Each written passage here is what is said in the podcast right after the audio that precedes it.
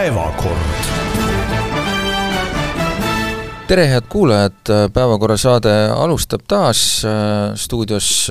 Urmas Jaagant, Indrek Riikoja ja Karoliina Vasli. tänane päevakord üsna selge ja lihtne, teeme väikese kokkuvõtte eelmisest laupäevast, mis siis toimus, olid kahes erakonnas nii-öelda suurkogud, esimeest, esimeste valimine, üllatusi tegelikult ei tulnud, aga räägime sellest natukene, vaatame, kuidas arenevad edasi asjad ühendusega SALK, kus siis Erakondade Rahastamise Järelevalve Komisjon on nüüd jätnud mulje, et midagi justkui ikkagi on sellist, et mis võib jätta tunde, et võib olla olnud keelatud annetus selle ühingu poolt osadele erakondadele Eesti kakssada, äh, üks jama ajab teist taga, äh, jõuab vaevalt üks lõppeda või õigemini ei olegi lõppenud ükski nendest skandaalidest, kui tulevad uued peale ja erakond on päris keerulises seisus. Mm, jõuame natuke rääkida ka sellest juhtumist, kus äh, Politsei- ja Piirivalveameti logistikud kuidagi kummalisel kombel eksisid Venemaale, aga on õnnelikult äh, Eestis tagasi, ei tulnud sellest väga suurt jama, nagu võis võib-olla karta. Äh, ja räägime ka põhikooli eksamitest, äh, siin suuremat kära tõstis küsimus, kuidas saab nii olla, et mõnes koolis on väga suur läbikukkujate arv, kas siis on midagi valesti mm, matemaatikaeksami või siis hoopiski õpilastega, seda jõuame natuke arutada, ja ilmast äkki ka, kuiv on õues, Tallinna kesklinnas tähendab see seda, et on tolm, aga mis on kogu aeg, aga kui tolmavad äh, põllud, siis see võib olla hoopis tõsisem probleem kui natukene äh, liiva juustes Tallinna kesklinnas. Aga nagu lubatud, alustame siis eelmise nädala kokkuvõttega, äh, EKRE sai endale esimeheks Martin Helme ja Isamaa sai Urmas Reinsalu, mina isiklikult, ma ei tea, kas ma peakski siin saates enam olema, et kui me siin ennustusi tegime eelmisel nädalal, siis ma põrusin nagu kõigega, ennustasin Peeter Ernitsale tunduvalt suuremat toetust kui kui kümme protsenti. Äh,, arvasin, et Isamaas äh, nii-öelda finaali pääsevad Urmas Reinsalu ja Lea Danilson-Järg, aga oli hoopis Tõnis Lukas tema asemel, no ainus lootus mul on see, et me ennustasime seda, et kauaks Peeter Ernitsat EKRE-s on, et ma ütlesin pool aastat, et ma vist olin nagu kõige pikema pakkumise tegija, et et järsku seal vähemasti nakkab. Ja ei, ma, ma selles mõttes, eks, eks mis puudutab seda Ernitsa protsenti, siis sa ju pakkusid selle põhimõtteliselt sellepärast, et paremad valikud olid võetud, et tegelikult me eksisime siin ju kõik, et et mina vist, mis ma pakkusin, viisteist protsenti? sina pakkusid viisteist ja, ja Karoliina pakkus kakskümmend. no tegelikult oli ju kümme, et isegi natukene alla selle, et et selles mõttes, mis selle kohta öelda, see tundub äh, hästi kontrollitud äh, tulemus, et äh, selline protsent, noh ei teagi, kui palju seal nüüd oli seda, et et toimus päris võitlus, mulle tundus ikkagi äh, lõpupoole, kui, kui tähtaeg hakkas kukkuma või ehk siis suurkogu lähenema, et Ernitsa sõnavõtud muutusid ikka suhteliselt selliseks no juba, juba sirgjooneliseks. teravaks. teravaks, et et justkui oli ikkagi nagu, oleks olnud nagu päris, päris asi, ehk siis päris võitlus, noh tulemus seda, tulemus seda nagu ei näita või siis kui näitab, siis näitab seda, et selline kriitika äh, jooksis äh, erakonna liikmetel küll äh, mööda külgi maha, et et seal mingit probleemi nähtud, see, me võime muidugi arutada seda, et kas kas küsimus on selles, et et kui inimest, inimesed võib-olla nõustuvad Ernitsa kriitikaga, aga siis vaatavad, et, et kes võiks olla tegelikult nagu esimees, äh, siis vaadatakse neile kahele inimesele konkreetsel juhul peale ja nenditakse, et jah, võib-olla Martin Helme ei tee kõike nagu nii hästi, kui peaks, võib-olla seal vahel keerab vindi üle, aga ta on ikkagi nagu parim, kes meil on, et, et seal võib ka omajagu seda olla. no vot, äh, ma ei tahtnud segada. jah, jätka EKRE teemal, ma, ma varsti muljetan oma Isamaa kogemused, minu laupäev möödus äh, Lauluväljakul et äh, vaata, EKRE käitus samas ikkagi nagu parimas parimas, see, see kõlab halvemini, kui, kui, kui ma seda mõtlen, aga paremas kommunistliku partei vormis, et et tuli välja, et noh, neil oli lihtsalt suurkogu plaan, päevakord oli paika pandud, no nad ei saanud sinna viimasel hetkel kuhugile Peeter Ernitsa kõnet ka sisse panna, et oleks saanud mõlemad, mõlemad juhikandidaadid oma seisukohtadega nii-öelda avalikult esineda ja uutest uudistest kadus ka, sinna küll ilmus lõpuks üks lugu Peeter Ernitsa seisukohtadest, aga see kadus ka kuidagi jube ruttu sealt ära, et seal kõike sellist asja oli, aga kas eile või üleeile ilmus Eesti Päevalehes äh, üks äh, nii-öelda ülevaate ühest EKRE siseuuringust, kus tuli välja, et tegelikult EKRE liikmete seas vaata et kõige populaarsem on hoopis Jaak Madisson ja, ja tema oleks tõenäoliselt mees, kes suudaks küll Martin Helmele väga tõsist konkurentsi pakkuda, et selles mõttes seal ikkagi kehtis EKRE puhul väga selgelt ka see, et kuna paljud EKRE EKRE liikmed ja EKRE toetajad elavad nagu sellises omaette infomullis, et nad äh, nii-öelda suuri meediakanaleid väga ei jälgi, aga uued uudised, Objektiiv ja kõik muu, et nii-öelda sellest inforuumist tegelikult oli, oli Peeter Ernits nagu välja võetud no see tun-, see ei tundu nagu selles mõttes, vaadates seda tulemust äh,, tekib tunne, et kas tõesti oli seal ma ei tea, EKRE sellisel praegusel juhtkonnal midagi väga karta, et et ma pigem ei usu, et et need asjad nagu, et seal püüti nende, nendega reguleerida, et kui püüti, siis, siis minu jaoks on imestamisväärne see, et, et sel juhul tunti mingisugust hirmu, et asjad võivad minna äh, kuidagi teisiti, et miks siis, miks selline tunne siis sel juhul võis olla, aga ma pigem arvan, et et seda, teda, tema kandideerimist ei peetud äh, ausalt öeldes lihtsalt piisavalt tähtsaks, et, äh, et sellega, sellega suuremat vaeva näha, selle, tema seisukohtade esiletoomisega. et ähm, jah, see, et ta ei saanud seda kõnet pidada, ma arvan ka, et see ei oleks suurt mitte midagi muutnud seal, äh, seal suurkogul, et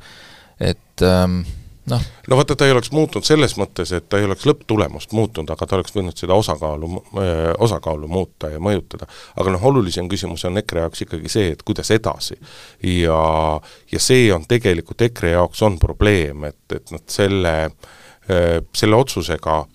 kuna Martin Helme tõenäoliselt ei muuda oma, oma seisukohti, oma vä-, käitumist, oma väljaütlemisi, ja ta ütles ka pärast suur, suurkogu ju selles mõttes ju ausalt ja õigesti et, et üheksakümmend protsenti toetasid mind, järelikult. Nad on rahul sellega, kuidas me,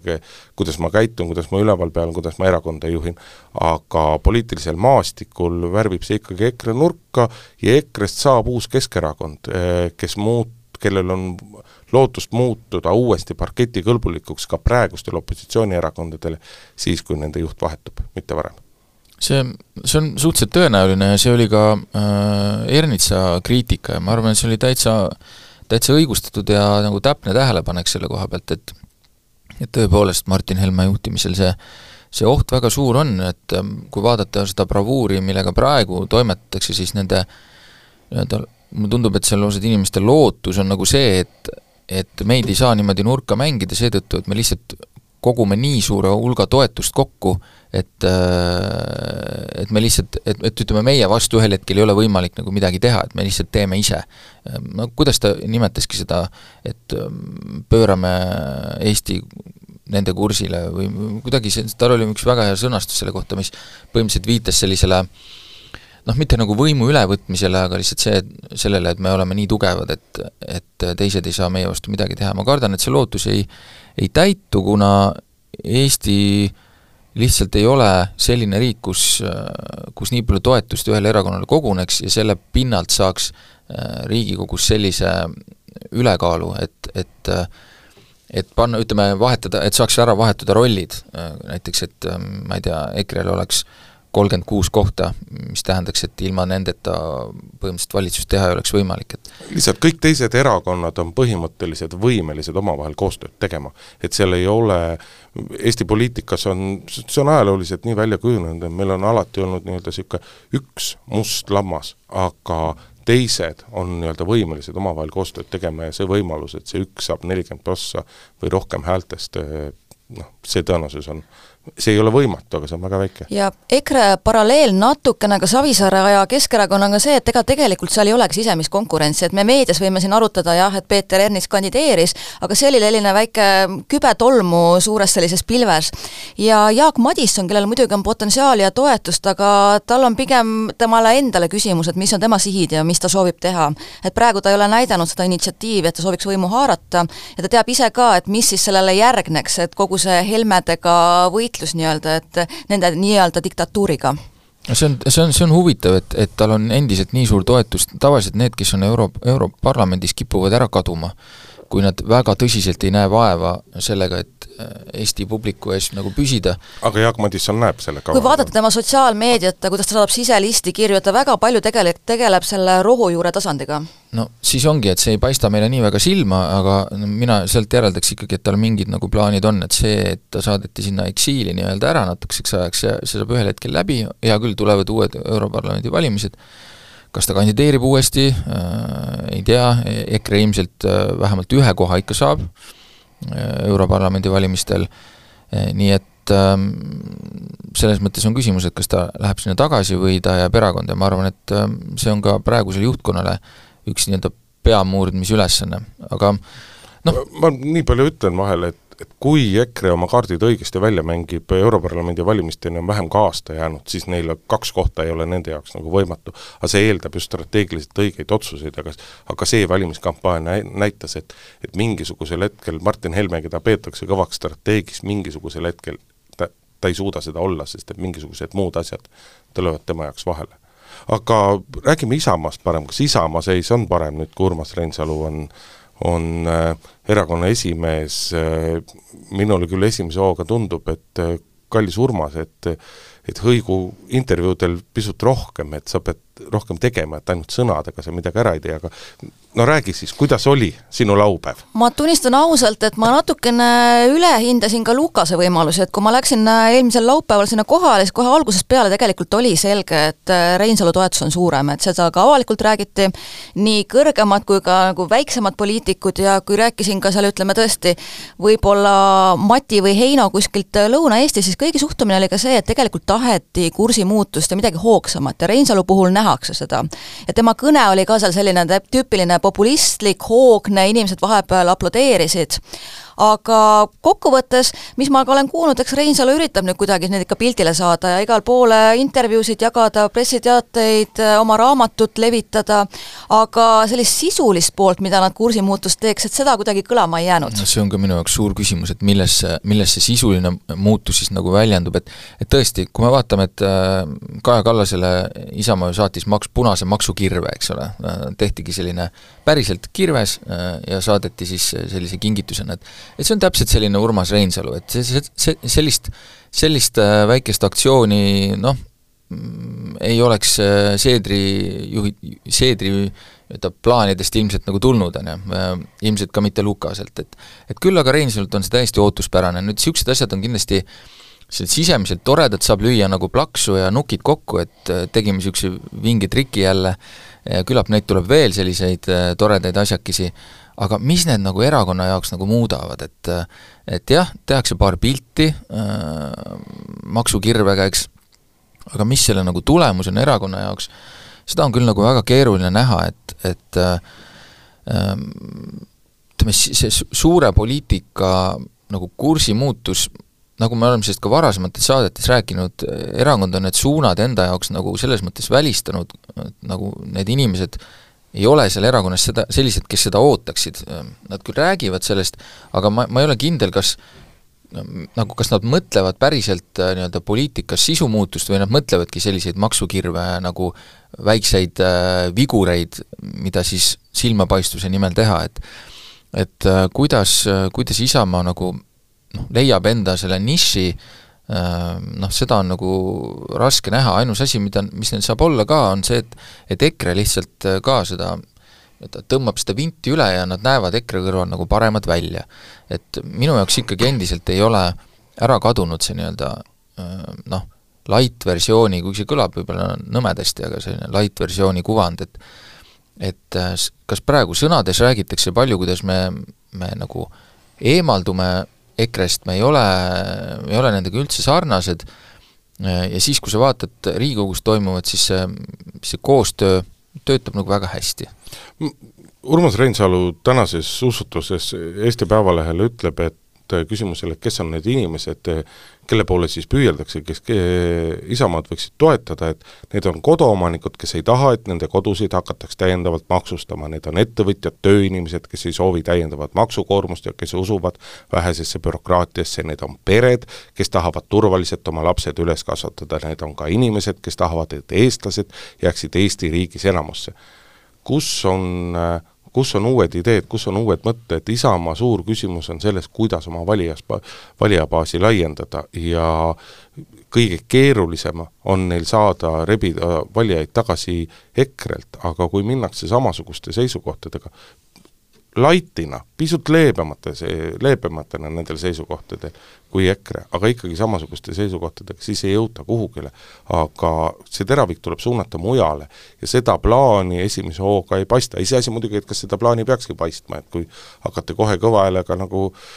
kirjama, et kellelt me võtame, kuidas me võtame ja millega, mida me võtame, et siis saavad ju teised ka reageerida, aga noh, just et et seda ka, ka eelnevates aruteludes peljati kõige rohkem äh, Reinsalu puhul, et et jah, ta on energiline, ta on kõlav, ta paistab välja, aga kas ta suudab hoida toetust või suudab kasvatada, see on see, see on see küsimus ja see on see võtmekoht, et praegu noh, ta ikkagi ju oma eesmärkidena, ma saan aru, on püstitanud, et ta peab olema ikkagi kindel erakond äh,, erakondade top kahe või top kolme seas, ta peaks olema nii-öelda potentsiaalne valitsuse kokkupanija ja nii edasi, aga noh, seda ei paista tänasel hetkel kuskilt. jah, jälle see jutt, et äh, koduomanikel peab elu olema, eks ole, parem, ei tohi nagu mingite maksudega nöörida, aga see jutt, mis erakonnas ka on, et te olete nagu selline äh, no eelarvega tegelev, eks ole, tasakaalukas majanduspoliitika, selline parempoolne tasakaalukas majanduspoliitika, no kus see siis on, et hea küll, koduomanikud jätame rahule, pered ei tohi olla ka mingites raskustes, elu peab olema hea, on ju, kus, kus see raha no selle nagu taustal ei ole siiski küsimus mitte ainult selles, et, et olemasolevad pered peavad raskustes olema, vaid väga selge ka ikkagi no see abieluvõrdsuse küsimus, eks ole. ja, jah, et, et nad saaksid turvaliselt teada, et kuskil ei abiellu omavahel samasoolised inimesed, see on ka ilmselt neile nagu siis oluline, aga noh, ma ei näe seda, ma ei näe seda nagu nurka, mis, mis, nagu sa ütlesid õigesti, et seda toetust nagu kasvataks, et et äh, need, see seltskond, kellele, mis sa ette lugesid äh,, Reinsalu nii-öelda prioriteetidest, siis see seltskond on neil olemas. Need inimesed on neil olemas äh,. Need ongi need, äh, see valijaskond, mis kõigub seal viie ja kümne protsendi vahel äh,, ja need ei kao ilmselt ka noh, suure tõenäosusega mitte kuhugi, kui nad väga suuri rumalusi ei tee. aga, aga keda ja kuidas nad sinna juurde saavad, väga keeruline näha jah, ja kokkuvõttes ka, et kui ma ka vestlesin seal isamaalastega, siis nad ka ütlesid, et ikkagi obstruktsioon, kus nad tahavad pildid olla, aga seal nad on ka ikkagi ka EKRE lait, et EKRE on see, kes on sellega pildil, nemad on sellised kaasajooksikud, kaasategelased, kes kohati ise muutuvad ka natuke naeruväärseks noh, ma ei tea, kas see naeruväärne nüüd on õige, aga küsimus on jah, pigem selles, et noh, just kelles, kellena sa mõjud, et kas sa mõjud tõsiseltvõetavana või sa ei mõju tõsiseltvõetavana. ja praegu nad selleni nagu jõudnud ei ole. Lähme edasi järgmise teemaga, äh, Salga äh, asjadega kerivad siin sündmused omasoodu, oleme nüüd saanud teada, et Erakondade Rahastamise Järelevalve Komisjon, mis siis lubas Salga tegevusse sisse vaadata, on seda parasjagu tegemas, mm, noh, nad on mingid sammud ära teinud, neil on omad protseduurid, kuidas nad toimetavad ja nad on jõudnud siis sellisesse etappi, kus siis küsitakse parteidelt äh, infot, mismoodi see koostöö siis äh, välja nägi ja tegelikult minu jaoks natuke üllatuslikult on tavaliselt selliste asutuste juhid ei anna selliseid ennatlikke seisukohti, et meile justkui tundub midagi olevat nagu niimoodi. Ehm, seekord on seda tehtud, äh, Erakondade Rahastamise Järelevalve Komisjonist on kõlanud seisukoht, et jaa, et äh, see võib natukene nagu näida äh, keelatud annetusena, noh, see näis päris paljudele sellisena juba siis, kui see lugu ilmus Eesti Ekspressis ja saime rohkem teada, kuidas nad on toimetanud ja kellega, aga nüüd on aga küsimus on endiselt nendes juriidilistes nagu nüanssides, et et ähm, kas see sinna alla päriselt kvalifitseerub või mitte, et et selles mõttes me väga palju targemaks ei, ei ole saanud me oleme saanud selle, noh ühest küljest me võiksime muidugi kirjada, et aga mis me rääkisime, okei, mis me rääkisime siin mõni nädal tagasi siinsamas saates, ja, ja kindlasti omamoodi märgiline on see, et et kui tihtipeale kipub erakondade rahastamise järelevalve komisjoni, sai nüüd ilusasti, õigesti öeldud, see eest rääkima Kaarel Tarand, kes on äh, komisjoni aseesimees, Sirpi peatoimetaja ja poliitiliselt justkui nagu sõltumatu, siis praegu rääkis Liisa Oviir, kes on sotside esindajana selles komisjonis seda juttu, aga see lihtsustatud, lahti seletatult on ju äh, küsimus on selles, Salk ei ole ühelegi erakonnale raha andnud, Salk on andnud oma toetajatele soovitusi, kuidas nad raha võiksid jagada. see ei ole see, mis äh, võib äh, nii-öelda keelatud annetuse alla kvalifitseeruda. probleem on selles, et Salk on tellinud uuringuid, analüüsinud neid uuringuid ja jaganud nende tulemusi osadele erakondadele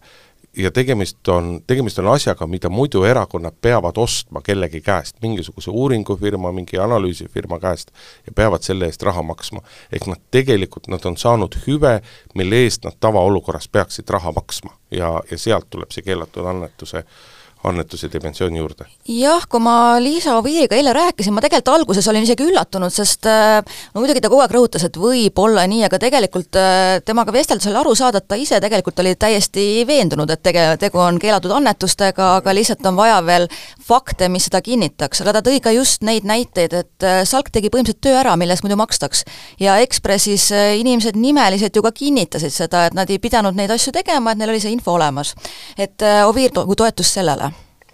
ja, ja Oviir on sots ja sotsid on üks sellest kasusaajast, üks nii-öelda potentsiaalsi, potentsiaalsest eh, ebaseadusliku annetuse, annetuse saajatest, et ega meil noh, küsimus on nüüd ka selles, et kui palju erakonnad ise on valmis nagu koostööd tegema, et ega võimalus on ju ka öelda erakondadel komisjonile, et aga meie oleksime nagunii tasuta seda saanud, meie ei ole midagi saanud, et noh, et et, et kui ausameelsed siin suudetakse sellest olla, et ühest küljest kogu see Salga kaasus, ta on selles mõttes nagu ta on selles mõttes hea näide, et Salk ei ole teinud saladust oma eesmärkidest, Salk on avalikult tunnistanud oma meetodeid, mida nad on kasutanud, mida nad on teinud, ja Salk on ka avalikult öelnud, kes neid toetavad, kes neid rahastavad, et see kõik on tõesti olnud nagu väga läbipaistev, erinevalt teistest äh, on see siis äh, sihtasutus perekonna traditsioonide kaitseks ja nii edasi, mis seal kõik veel tulevad, noh kes kunagi, keegi ei ole nii läbipaistev olnud, et see on kahtlemata nagu positiivne, aga noh, kas äh, et kui suur hea kaalub üles kui suure halva, see on, on see võtmekoht siin? Jah, eks tulevik saab tõenäoliselt olema niikuinii see, et äh, et sellest äh, noh, võib-olla seal artiklis, eks ole, ta oli ka selline kirjanduslik ja nagu hoogne, et ähm, tekitas palju emotsioone, tõenäoliselt mingitel erakondadel on ka nüüd selgunud mingi taipamine, et et äh, võib-olla peaks nagu rohkem tähelepanu pöörama sellistele asjadele nagu andmed ja nende analüüs ja muu selline, et, et tõenäoliselt me seda, selle tulemuse me kindlasti saame, et et erakonnad võtavad seda nagu päris tõsiselt, mitte et varem ei oleks, aga see nagu tase on olnud erinev või see nagu huvi selle vastu. et äh, et ma arvan, et me näeme nüüd tulevikus äh, palju rohkem selliseid asju ka teistel erakondadel ja mida, mida paremini saab see nagu ära reguleeritud või õigemini äh, noh, selgeks, mida tohib ja mida ei tohi, seda, seda lihtsam on nagu kõigil ka siin järgmistel, järgmisteks äh, valimisteks äh, valmistumisel, et ähm, kindlasti näeme selliseid äh, tegutsejaid tulemas nagu juurde ja võib-olla noh, ide-, ma ei tea, kas ideaalis, aga ma miskipärast arvan, et me näeme ikkagi ka selliseid maailmavaateliste nagu organisatsioonide nagu tekkimist, isegi kui nad nagu ametlikult seda niimoodi ei nimeta, aga aga sellised, mis siis nagu teevadki sellist erakondadele mingit äh, nii-öelda taustatööd, et et kui me oleme selle hetke mööda lasknud, kus neid nagu nii-öelda luua riigis, kuidagi formaalselt, juriidiliselt, siis nad tekivad igal juhul ise, sest et et andmed on olemas, andmeid on tänapäeval väga palju,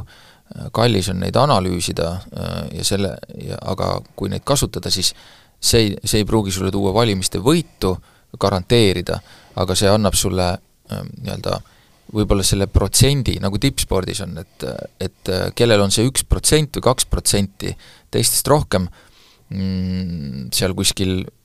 viimastel kilomeetritel see nagu võidab, eks, et see tase on nagu nii ühtlane,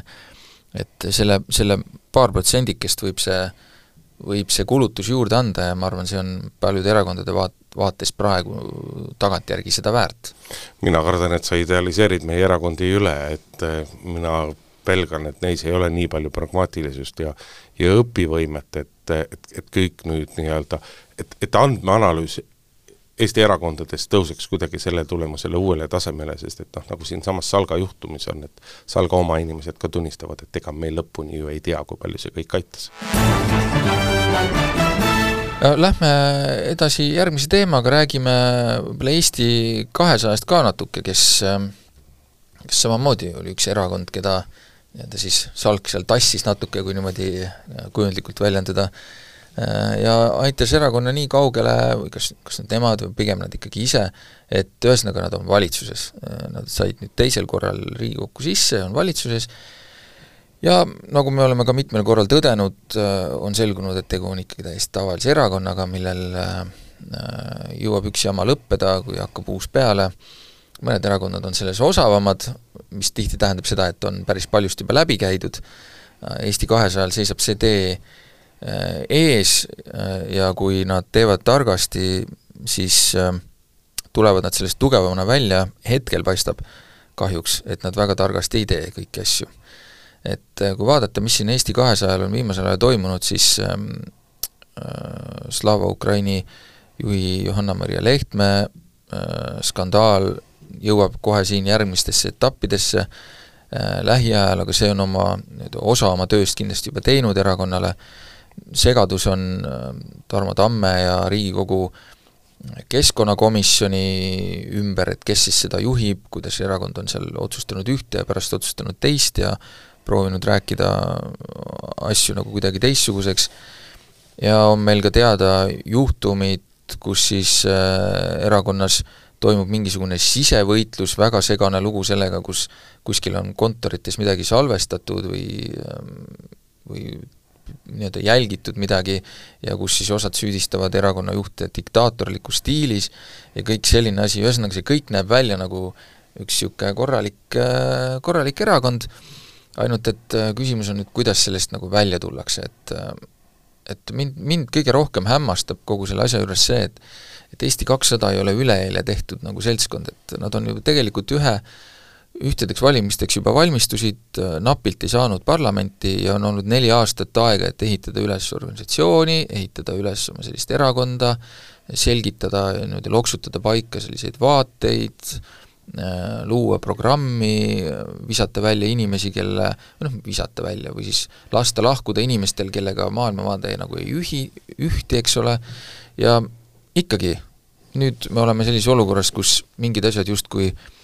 noh, juhtuvad, mis oleks pidanud ammu olema nagu ära klaaritud kui ma ise natuke ka rääkinud Eesti kahesaja inimestega, siis lihtsalt ka olukord, mis on vahetunud, on see, et on tulnud juurde töökohti, on tulnud juurde tõesti ka valitsuse positsioonid, Riigikogu positsioonid, ja räägitakse, et ongi nii-öelda need, kes on nagu mahajääjad ja kes on kaasa võetud, et ongi tekkinud selline tuumik ja kellel on ka paremad töökohad ja võimalused. et see on kogu seda pilti muutnud, mis oli varasemaga võrreldes. ja muidugi, eks seal on ka paksu pahandust nüüd äh, omavahel räägitakse, kes on nii-öelda vilepuhujad, kes kuskile meediasse lähevad, ja eile muidugi Tsahkna on äh, väga selline selline äh, omamehelik ja sõbralik, siis eile valitsuse pressikonverentsi järel ta ikka väga ka nähvas mulle, kui ma üritasin sel teemal äh, küsimusi küsida. vaata, eks seal on tegelikult see asi, et et, et poliitika on omaette valdkond ja omaette eriala, nii nagu kõik muud asjad, et noh, võtame selle viimase segase skandaali Tallinnast, mille keskmes on tegelikult ju Marek Reinaas, kes on kes on äh, Tallinna piirkonna esimees, eks ole, et et Reinaas on väga tore miis, reklaamivaldkonnas suurepärane spetsialist, olen temaga ise aastate jooksul koostööd teinud selles valdkonnas, ei ole tõesti mingisugust ühtegi etteheidet. aga ta ei oska poliitikat teha. Oma meediaagentuurid ei oleks kunagi võtnud, reklaamiagentuurid ei oleks kunagi võtnud juhtpositsioonile inimest, kellel, kelle reklaamialane kogemus on, on sisuliselt olematu, sest et ta teadis, et seda inimest ootab ees läbikukkumine või vähemasti väga-väga suured raskused. aga tema endaga poliitikas on täpselt samamoodi läinud Tallinna piirkonnas, et, et sealt need pinged tulevad ja sealt kohast need asjad hakkavad kokku,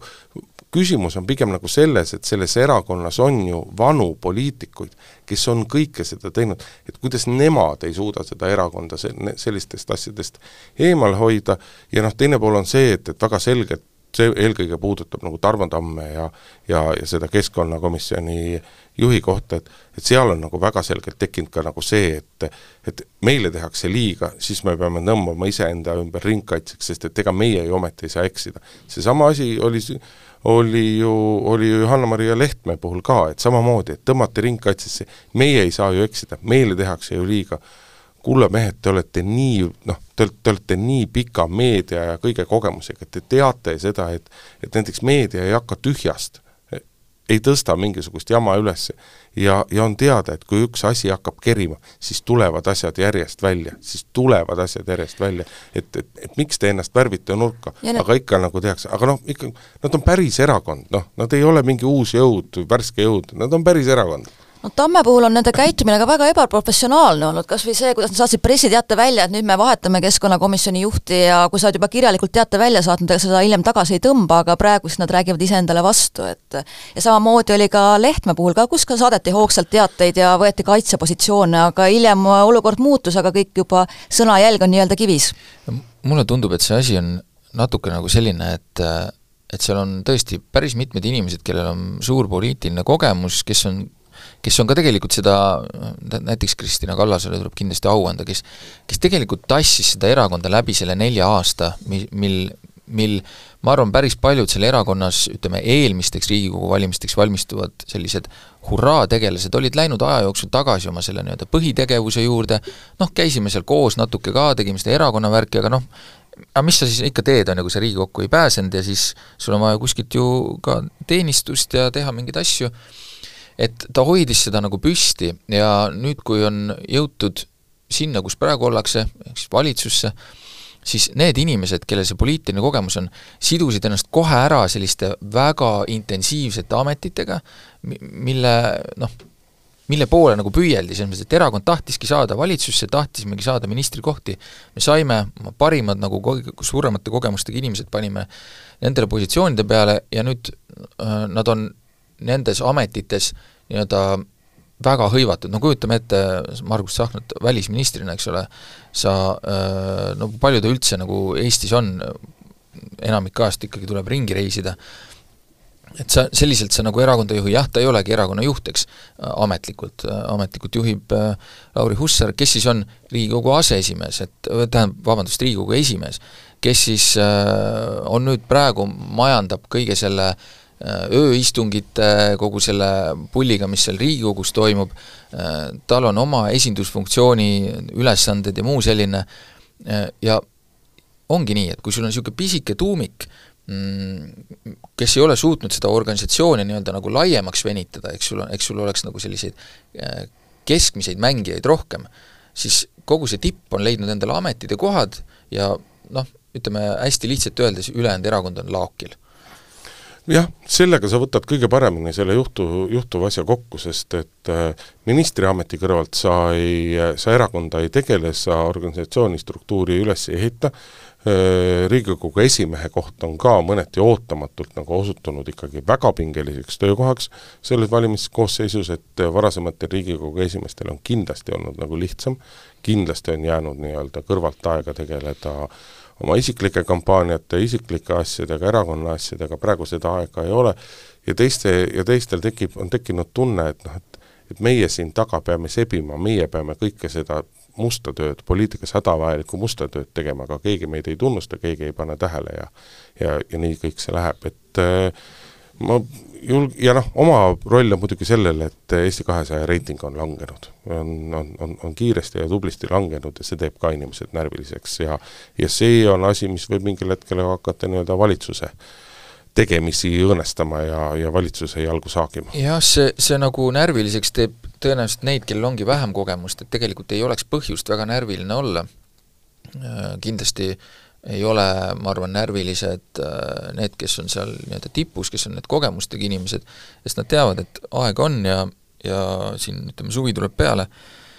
äh, aga tõesti need, kellel on vähem kogemust ja kellele võib-olla öeldi ka, et äh, ma ei tea, lubati näiteks era-, et me hakkame siin, toetus hakkab tõusma ja nii edasi, noh et seda ei ole juhtunud,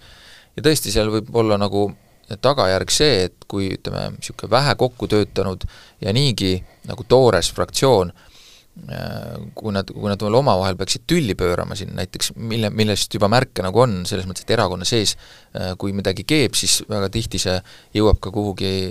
no jõuab ka fraktsiooni, kus siis äh, tekivad ka mingid leerid või keegi pooldab üht, keegi teist, ja kui siis enam nagu hääled ei pea, näiteks oletame, või tekib see oht, et hääled ei pea, siis ei ole see asi enam Eesti kahesaja probleem üksi, vaid siis on see Reformierakonna ja sotside probleem samamoodi. ja see on väga halb Eesti kahesajale, kui nad muutuvad äh, teiste pa-, valitsuspartnerite jaoks probleemiks. et nii palju, kui ma olen kuulnud, seni valitsuses mingit probleemi ei ole Eesti kahesajal, kõik töötab väga hästi, Riigikogus nüüd üks usaldushääletus on seni vist olnud jah, et äh, seal hääled pidasid kenasti, küllap nad peavad ka need teised, aga nüüd, mis siin suve jooksul jõuab toimuda, kuidas sügisel on veel eelarve ja muud sellised asjad, et äh, kas see, kas see asi püsib koos Eesti kahesajal niimoodi, et need hääled peavad, et partnerid saavad neid usaldada, see on nende jaoks, muutub väga tõsiseks probleemiks, selles mõttes ei saa kunagi alahinnata neid sisemisi erakonna nii-öelda tülikohti, mis võivad kerkida pisiasjadest, aga kui neid õigel ajal ära ei klaarita, siis, siis see tulemus nii-öelda valgub kuhugi mujale, valgub fraktsiooni näiteks, mis, mis muudab selle probleemi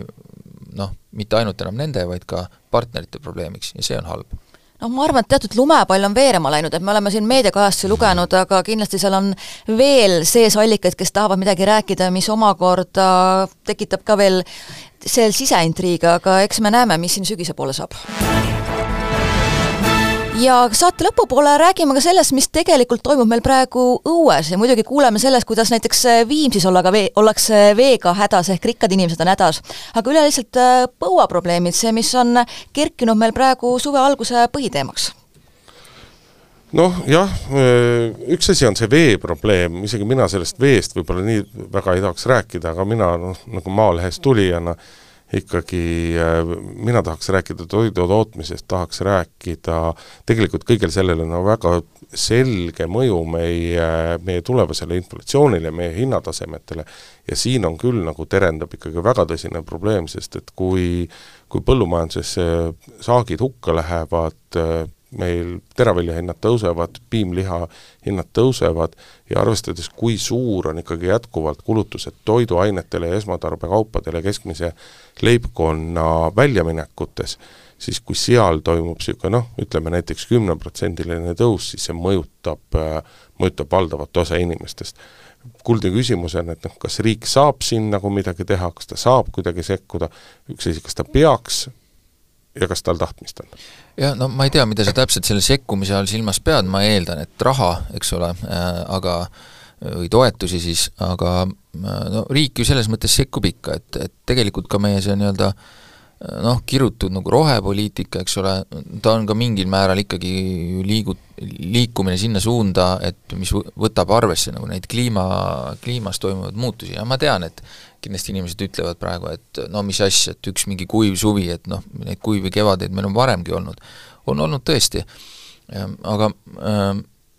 nagu nende asjadega on, sa ei saa neid nagu seda nagu järeldust teha nagu ühest konkreetsest juhtumist, et see on nagu pikema, pikema vaate küsimus. Ja pikem vaade ikkagi näitab seda, et et äh, meil on kuivem, nagu ütleme, meie planeedi peal tervikuna äh, on äh, kuivem, on kuumem ja kas see, kuidas see, kuidas see väljendub erinevates regioonides, võib olla väga erinev, mõnedes piirkondades võib olla jällegi väga vihmane ja noh, nagu me teame, vist ka kui ma mäletan õigesti, ka El Niño on, eks ole, sel aastal jälle moodustumas, mis tähendab, et mingid protsessid pööratakse ringi, mis on ka regulaarne, enam-vähem regulaarne nähtus, aga millel on ka oma mõju äh, nii meile, meie ilmale, nüüd ei räägi kliimast, vaid ilmast,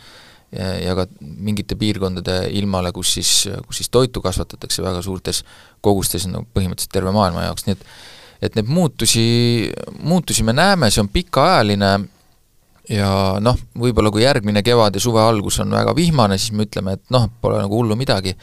et eelmine aasta oligi kuiv, eks ole, aga see trend paraku on ikkagi sinnapoole, et, et pigem sellised äh, suve algused saavad äh, olema nagu tavalisemad. vot üks asi on see selline nii-öelda pikaajaline mõju, pikaajalise mõjuga tegelemine ja, ja nende probleemide lahendamine, et kui me vaatame, siis Euroopa tasandil ja ka ka Eesti tasandil nii-öelda rohepoliitikaga, erinevate meetmete, kõige sellega nagu tegeletakse, on plaanid, noh, ma ei taha laskuda vaidlusesse, et kas sellest kõigest on mingisugust kasu ja kas need plaanid on nagu realistlikud, et see on omaette teema, aga selle pika perspektiiviga teha, tegeletakse. aga siin võib olla ka nii-öelda nagu väga selge lühiajaline mõju ja küsimus on nüüd selles, et kas lühiajalise mõjuga riigi tasandil, kas sellega on tahtmist tegeleda, kas on arusaamist, et see probleem üleüldse on ja, ja, ja mis täp-, saab edasi, et noh, ma kordan veel kord, et kui et kui jääb, kui Euroopas jääb ja, ja suur kuumus ja, ja kuivus on kogu Euroopa probleem praegusel hetkel, et kui Euroopas jäävad saagid, näiteks teraviljasaagid kolmkümmend või nelikümmend protsenti väiksemaks, kui nad olid eelmisel aastal, siis kui me arvestame Ukraina ja Ukraina sõja mõjud ka sinna juurde, see tähendab väga selget hinnasurvet äh, teraviljahelli hinnale ja sealt kandub see igasse, igasse muusse valdkonda ja kui me siis oleme jälle toidukaupade kümneprotsendilise kallinemise juures, siis sellest saab probleem, sellest saab väga selge sotsiaalne probleem. no kindlasti saab, et äh, küsimus ongi siin selles, et et äh, need lühiajalised mõjud, millest sa rääkisid, et no mis, mis teha saab, me saa-, saab ju teha tõesti toetustega, toetustega saab hoida äh, neid inimesi nii-öelda selles valdkonnas, kes siis peaksid selle äh, toidu tootmisega tegelema. mida selle toetustega teha ei saa, ei saa teha seda saaki suuremaks, eks see sõltub ikkagi nagu kliimast ja ilmast äh, mingis osas. et sinna ei saa selles mõttes valitsus midagi parata, mida nad saavad teha tõesti, nad saavad teha seda, et et oleksid olemas need inimesed, kes siis äh, kui on, ma ei tea, ütleme järgmine aasta, see kõlab nagu naljakalt, aga parem ilm, eks ole, toodaksid siis, äh, oleksid need, kes siis nagu toodaksid seda toitu. Mm, et nad ei läheks nagu midagi muud tegema, äh, vaid püsiksid selles nii-öelda, selles valdkonnas. et seda saab nagu tagada, aga kui noh, teoreetiliselt ei ole võimalik, et tuleb mitu aastat järjest selliseid kevadeid, kus jäävadki saagid väiksemaks, noh sinna valitsus selliste lühiajaliste meetmetega midagi parata ei saa, et et ähm, noh, tõenäoliselt me näeme toidu hinnatõusu jah, jälle, et äh, kelle kraesse see keeratakse, noh, mina pakuks, et valitsuse kraesse, nagu see ikka kipub olema, kas asi on ilmas või milleski, keeratakse valitsuse kraesse. Äh,, kui peaks nüüd muidugi valitsus näiteks ka otsustama või see ei ole vist selle taseme otsus, aga et näiteks jaanitulesid, eks ole, teha ei või, kuna nii kuiv on, siis küllap keeratakse ka see Kaja Kallase valitsuse kraesse, selles mul ei ole ka vähimatki äh, kahtlust. äh,, et ähm, noh, see poliitikute suur, millega, milleks poliitikud tegelevad selle kliimateemaga, ongi see, et nad teavad väga hästi, et kui asjad hakkavad minema halvasti, siis pööratakse nende kraesse, hoolimata sellest, kas nad on midagi teinud või ei ole midagi teinud. seega targem on midagi teha. No.. valitsust võib ikka süüdistada, aga vast jaanitulede ärajätmises, ma arvan, et selles no, ei hakata tähele, väga süüdistama, et inimesed, inimesed saavad kõik aru nendest asjadest ma toon ka näite, mul endal üks tuttav, kes on väike köögiviljakasvataja, aga tema suurim äh, mure on ka see, et äh, tarbija ikkagi ka praeguses olukorras, kus on inflatsioon, äh, Euribor kasvab, kulud on suured, ta lähebki teatud võib-olla teise jaeketti ja ostab seda Poola toodangut, ostab Saksamaa toodangut, mis on odavam, et raske on konkureerida. et sellepärast muretsetakse väga palju, et tarbija teeb ka tea-, teadlikud valikud, et võib-olla kvaliteet ei ole nii hea, aga rahakotile säästlikum. no riigi kõige suurem ülesanne on tegelikult tekitada nii-öelda põllumajandussektorisse võrdne konkurents, et et, et need tingimused, millel tegutsetakse, peavad olema võimalikult ühtsed, aga tänasel hetkel noh, nad on lastud, nad on lastud natukene lappama. aga räägime pisut ka sellest, mis meie idapiiril toimub, kentsakaid asju sellel nädalal juhtus, saime järsku teada äh, teisipäeval, et kaks äh, see oligi alguses segane, et kas PPA logistikut ehk PPA teenistujat või siis mingisugust nii-öelda allhankija äh, töötajad äh, sattusid Vene piiri poole ja Vene piirivalve küll väidetavalt ainult nii-öelda mõni meeter üle piiri, aga kohe kuidagi järsku oli kohe Vene piirivalve kohal, pidas need kinni ja ja seis läks päris segaseks, takkajärgi me oleme siiski, Politsei- ja Piirivalveamet on kinnitanud, et tegemist oli nende ametnikega, mitte ei olnud või, või nende teenistujatega, kuidas see juriidiliselt täpne eh, vorm, ütleme siis PPA töötajatega oli tegemist, eh, kes siis väidetavalt tegid nii-öelda, planeerisid jooksvaid hooldustöid, aga eks see muidugi ikkagi küsimusi tekitas palju, et arvestades, mis olukorras me tänasel hetkel elame, mida on Eesti piiri peal näiteks Eston Kohveriga ja mitmetel muudel puhkudel üle, üle elatud, siis siis jääb küll arusaamatuks, et kuidas saab juhtuda selline inimlik eksimus. see on jah, selles mõttes hästi segane, et et äh, kujutame ette, kui praegu saadetakse, saadetakse inimesi Venemaa piiri lähedale midagi tegema, no minu esimene reaktsioon oleks see, et jumala eest vaadake, et te ei teeks ühtegi valeliigutust. et Venemaa on praegu üles ärritatud äh, koer, eks ole, kes äh,, me ei tea, mida ta teeb, me ei tea äh,, mida ta milleks võib ära kasutada. Äh,, parem ol-, tõesti olge sada korda liiga ettevaatlikud, kui et te teete ühe ettevaatamatu liigutuse. Et ähm, selles mõttes ma olen ikkagi väga, hingasin kergendatult, kui, kui selgus, et need inimesed said ikka nii kiiresti tagasi, et mina olin valmis selleks, et et seal korraldatakse mingi selline asi, et a la, et äh, tabasime, noh Vene poole pealt siis, et tabasime mingid spionaažis kahtlustatavad tüübid, nüüd meil hakkab siin mingisugune protsess, me peame neid nagu uurima, inimesi, ma ei tea, kuus kuud kinni hoidma, siis tuleb mingisugune äh, kohtunik kuskilt, kes kuskil äh, vangla eesruumis peab mingisuguse istungi ja siis me mingi süüdistused ja värgid, et äh, ma, ma, mul, ma juba kõike nägin seda oma peas nagu juhtumas, äh, sest et tõesti noh, miks peaks Venemaa laskma käest ideaalse võimaluse na-, naaberriiki, keda nad teatavasti peavad kurjaks ja ma ei tea, mis, milles kõigis süüdist-, süüdistavad, et laskma, laskma sellise juhtvõimaluse nagu käest, et neile mingit käru keerata, et et ähm, seekord läks nagu teisiti, et mul on väga hea meel, et see teisiti läks, aga tõesti natukene kummaline, et äh, selline asi saab juhtuda olukorras, kus me teame, mis seis nagu Venemaaga parasjagu on, et aga võib-olla ongi asi selles, et lihtsalt Venemaa on mingite muude asjadega nii hõivatud, et, et ei pööratud sellele nagu liiga palju tähelepanu. no sul ei saa kuidagi ka seda pahaks panna, seda tunnet, et sul, et su silme ette kangastus juba ikkagi inimeste pikk kinnipidamine, süüdimõistmine, seejärel väljavahetamine ja ja noh, käisid ju siin erinevates ringkondades läbi need ütlused, et näed, et venelased nüüd täide, täiendavad endale vahetusfondi ja nii edasi ja kui me tegelikult vaatame ka seda nii-öelda nii poliitikute kui ametnike üt-, väljaütlemisi alates siis noh, tegelikult neljapäeva vabandust, kolmapäeva hommikust äh, teisipäeval see juhtus,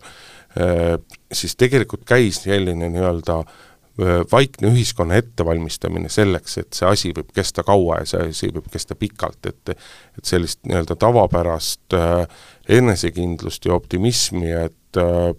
väiksed asjad küll ära klaaritakse, lõpp, mis siis lõpptulemus oli, et nelikümmend kaheksa tundi peeti kinni ja kui ma nüüd ei eksi, vist kumbki mees sai kolmkümmend kaheksa eurot trahvi mm. äh, rikkumise eest. et, et see suhtumine käis, üks asi muidugi, mida peab äh,, mida siin peab ütlema, et, et eile hommikul ava-, tuli, sai avalikuks uudis, et äh, kus oma poja Deniss Metsavasega kahe tuhande üheksateistkümnendal aastal riigireetmises äh, süüdi mõistetud Pjotor Volin pääseb siis aasta kolm kuud varem äh, kari-, karistuse kandmisest, et siis ka juba jõudsid nii-öelda nagu tekkida ütlused, et näed, et vot, nüüd on esimene tulemus käes. aga siin tuleb muidugi öelda, et kohus äh, Voolini suhtes otsuse tegi esmaspäeval, aga meie logistikud äh, nii-öelda sisse kukkusid teisipäeval, et vaevalt, et seal oli nüüd sellist planeerimise taset. jaa, ja kusjuures mul isegi mõned tuttavad otse küsisid seda kajastuse peale, ma viitasin ka, et inimesed ei süüvinud pealkirjast kaugemale, et tõesti, et esmaspäeval tehti see otsus. aga eks me Delfis ka üritasime tausta kohta rohkem teada, aga eks äh, politsei, PPA on ka oma narratiivi paika pannud ja ega nad sealt väga kõrvale ei kaldu ja rohkem infot ei, ei anna. aga ikka tekitab selliseid kõrvalisi küsimusi tõesti ja juba alguses see kirjeldus sellest, et nagu seenel käik, et äh, natukene kaldusid rajalt kõrvale, et see ei kõla lihtsalt loogiliselt. no see, see on nagu, nagu selliste asjadega tihti on, et kui asi tundub täiesti nagu ebaloogiline, äh, siis, siis tihti ongi nii, nagu oli et äh, inimesed teevad niisuguseid asju, asjad lihtsalt juhtuvad, kui asi tundub äh, väga absurdne, siis noh, siis ongi kõige targem kahtlustada, et täpselt nii oligi. et ei olnud suurt skeemi, aga noh, tõesti, me lõpuni ei tea, aga see näeb natukene imelik välja tõepoolest, aga kui vaadata seda piirkonda, kus see juhtus, noh, vaevalt et seal mingid Eesti, ma ei tea, luurajad, uurijad seal siis midagi, midagi tegid sellise suhteliselt lageda taeva all, eks ole, seal, kus need teed jooksevad. Aga noh, see on kõik niisugune spekuleerimine, see asi sai lahendatud, ega seda, kuidas see täpselt lahendatud sai, me ka lõpuni ei tea. Aga üldjoontes tõesti, ainuke asi, mis siit õppida on, et Venemaaga ei maksa praegu mässata, selles mõttes, et see järgmine sarnane juhtum võib lõppeda täiesti teistmoodi. et äh, jah, selles osas tuleb olla ettevaatlik aga mis on meil jätkuvalt nii-öelda lahenduseta küsimus ja tahab, nõuab ikka hädasti vastuseid, on sellel nädalal uudis sellest, kuidas põhikooli matemaatikaeksami sooritanutest sisuliselt kolmandik matemaatikaeksamil läbi kukkus, keskmine tulemus oli pisut üle kuuekümne punkti, mis annab nii-öelda tavalises hindamissüsteemis äh, hindeks kolme, ja kui siin varasematel aastatel seda nii-öelda lävendit läbikukkumise mõttes ei ole, et kes sai ühe punkti kätte, siis see oli juba läbi saanud, siis sellel aastal seda enam ei olnud.